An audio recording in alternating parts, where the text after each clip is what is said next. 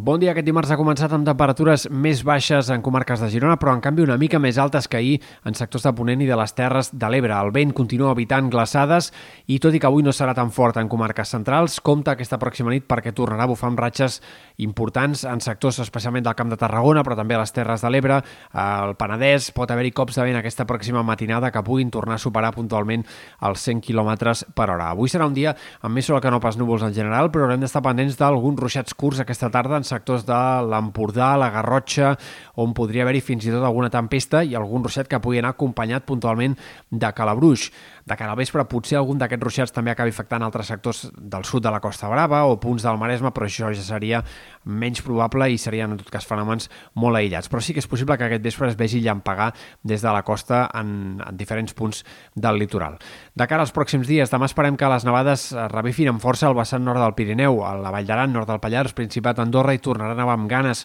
fins a les cotes més baixes, potser també de forma puntual a la Cerdanya, i haurem d'estar pendents sobretot el que pugui passar entre la nit de cap d'any i el dia 1, perquè s'acosta una pertorbació una mica més activa que podria fer extendre la neu ja no només al Pirineu, sinó en sectors de la Catalunya central i alguns punts alts de les comarques de Girona. Sembla que la cota de neu podria arribar a baixar fins i tot per sota dels 500 metres puntualment i podria haver-hi precipitacions destacables en comarques com el Ripollès, a Osona o també el Berguedà. Ho haurem d'anar seguint, però hi ha la possibilitat que per cap d'any, el dia 1, hi hagi una enfarinada destacable en punts de la Catalunya central i algunes comarques també de Girona.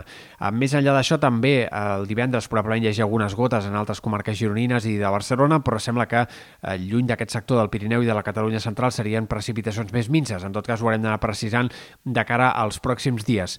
Al cap de setmana probablement repeteixin alguns ruixats de neu en cotes molt baixes a prop de la costa, sobretot costa central, costa brava, però serien ja fenòmens més aïllats, molt més puntuals i de caràcter molt més local. I haurem d'estar patents també del que pugui passar entre la vigília i el dia de Reis. Això ens queda més enllà, és molt més incert, però sembla que es va dibuixant clarament una borrasca que podria afectar-nos, podria deixar precipitacions més destacables i tot i que seria una borrasca càlida que eh, faria pujar a llarg termini la cota de neu, en un primer moment podria nevar de forma extensa també a cotes bastant baixes. Tot això insistim que encara és més llunyà, però ho anirem seguint de prop. En tot cas, el que sí que tindrem fins a Reis segur serà fred cada cop més intens, a més a més. A partir de cap d'any i de cara al cap de setmana arribaran les temperatures més baixes d'aquest període de temperatures hivernals que hem estat tenint des de Nadal i sembla que diumenge, dilluns, tindrem encara entre 3, 4, 5 graus menys fins i tot dels que hi hagi, per exemple, avui.